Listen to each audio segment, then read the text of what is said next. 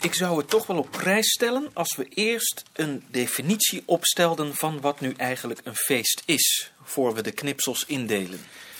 De definitie van feest. Definities zijn zinloos. Definities zijn zinloos. Gekke discussie. Dat ben ik toch niet met je eens. Definities kunnen heel nuttig zijn.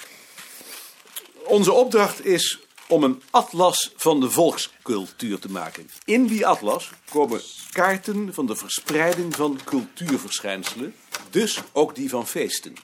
De bedoeling is om op die manier een overzicht te krijgen van de cultuurgrenzen die door ons land lopen. De achterliggende gedachte is dat dergelijke cultuurgrenzen ons iets vertellen over de culturele tegenstellingen die in het verleden op ons grondgebied hebben bestaan. Kunt u dat laatste nog eens herhalen? Wat zei ik ook alweer? Je zei dat die cultuurgrenzen ons iets vertellen over de tegenstellingen die in het verleden op ons grondgebied hebben bestaan. Ja, maar u hoeft dat niet allemaal op te schrijven. Ik heb het al. Mag ik nu iets zeggen? Ga je gang.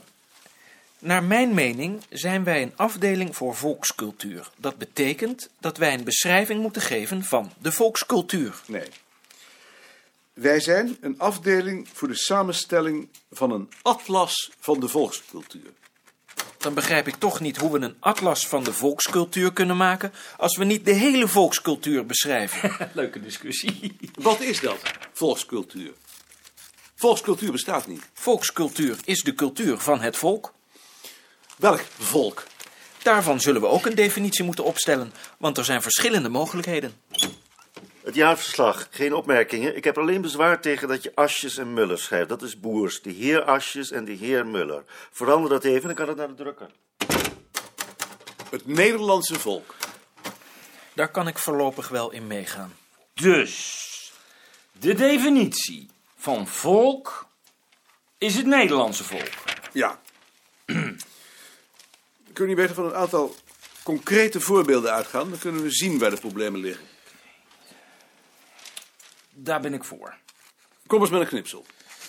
Ik heb hier een knipsel over een slachtfeest. Is dat ook al een feest, een dier doodmaken? Heel gek. Daarna vieren ze feest. Volgens een Zwitser die ik eens ontmoet heb, is dat een overblijfsel van een oud offerfeest. Is het verdomd. Ik geloof er geen bal van. Ik schrijf het toch maar op. Dus jij wilt dit niet bewaren? Ja, natuurlijk wil ik dat bewaren. Dat is nou een voorbeeld van zo'n oud gebruik dat misschien een verspreiding heeft. Maar je gelooft er niet in. Dat doet er niets toe. Als we deden waarin ik geloof, dan konden we de afdeling meteen erop hebben. We hebben daar ook een vragenlijst over. En ik stel me voor dat we kaarten moeten tekenen van alles wat daarbij gegeten werd. Ingewanden, zult, hersens, bloedworst. Mijn schoonvader wilde nooit bloedworst eten omdat er bloed in de naam zat. Gewone worst had hij wel. Heel primitief. Ja, maar het was wel een heer. Ik heb zo'n geslacht varken wel gezien toen we bandopname maakten in Drenthe.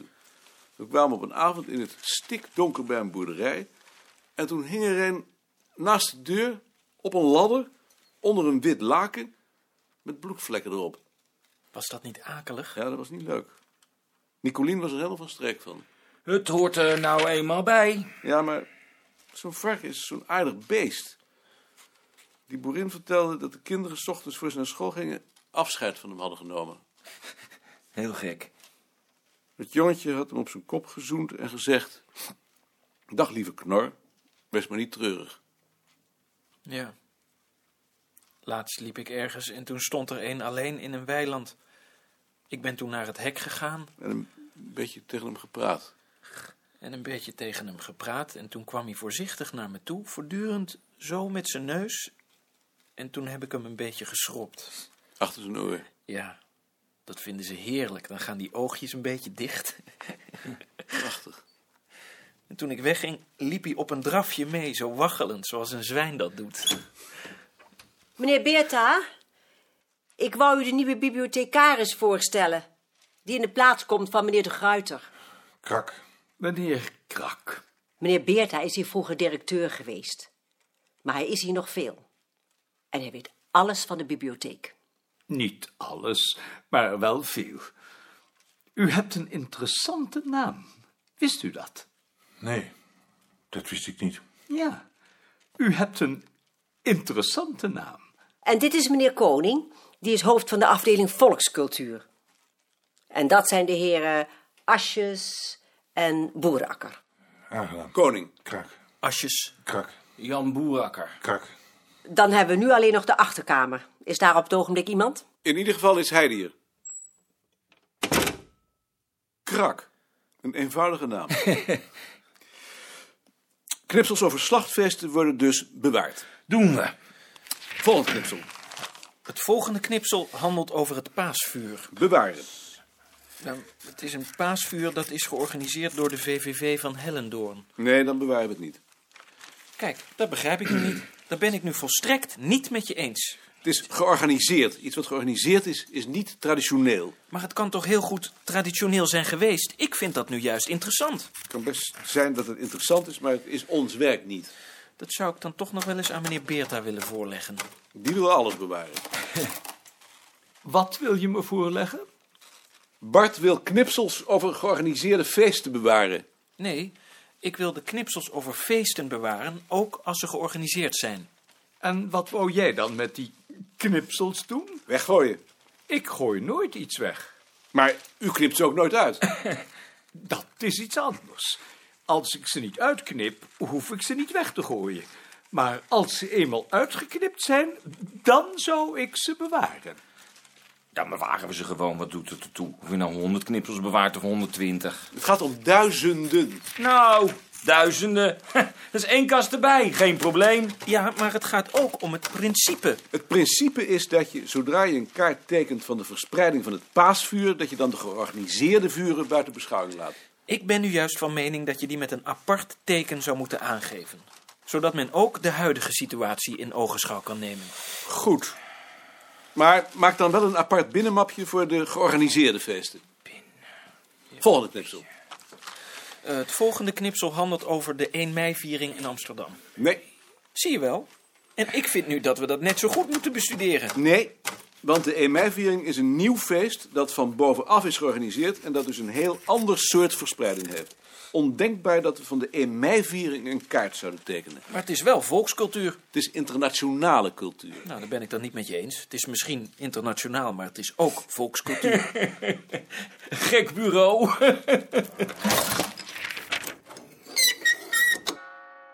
Meneer Koning, ik heb een verzoek. En dat is? Zou u mij voortaan Jan willen noemen? Ja, natuurlijk. Graag. Maar dat betekent dat je tegen mij ook je en jij moet zeggen. Dat is nou juist niet de bedoeling. Bij Shell bestaat de gewoonte dat nieuwe werknemers hun chef pas bij de voornaam noemen als ze een jaar in dienst zijn. Ik vind dat een prima regeling. Goed. Laten we dat afspreken. Dank u wel.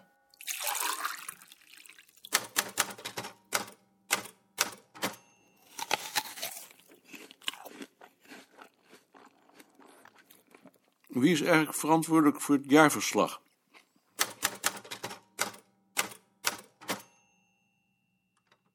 Het jaarverslag wordt ondertekend door de voorzitter en de secretaris. Dus die zijn verantwoordelijk. Waarom vraag je dat?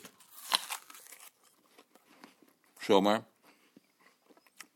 Ik wou dat weten. En wat is de rol van de directeur dan?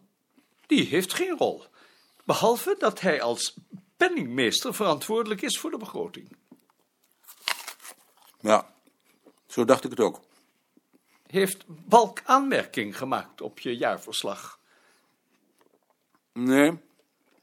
Hij wil alleen dat ik Asjes en Muller met de heer aanduid. Als directeur heeft Balk natuurlijk wel het recht om erop toe te zien dat de drie jaarverslagen van de afdelingen naar de vorm op elkaar zijn afgestemd. Ja. Ik zal dat veranderen, dan vind ik het eigenlijk onzin.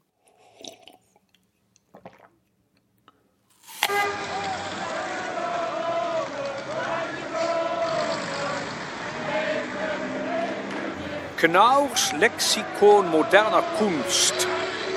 Is dat niet iets voor jou? Het lijkt me wel een handig boek. Dan krijg je het van. me. Juffrouw, u hebt in de etalage Knaurs Lexicon Moderne Kunst. Ik zou daar graag een exemplaar van hebben. Niet voor mezelf, daar ben ik te oud voor, maar voor mijn zoon hier. Een ogenblik. Is er nog iets wat je graag wilt hebben? We zijn er nu toch? Nee, zo is het wel genoeg. Knauwers Lexicon Moderne Kunst. Dat is wat u bedoelt. Juist. Hoeveel krijgt u van mij? 12,50. Dat is voor jou.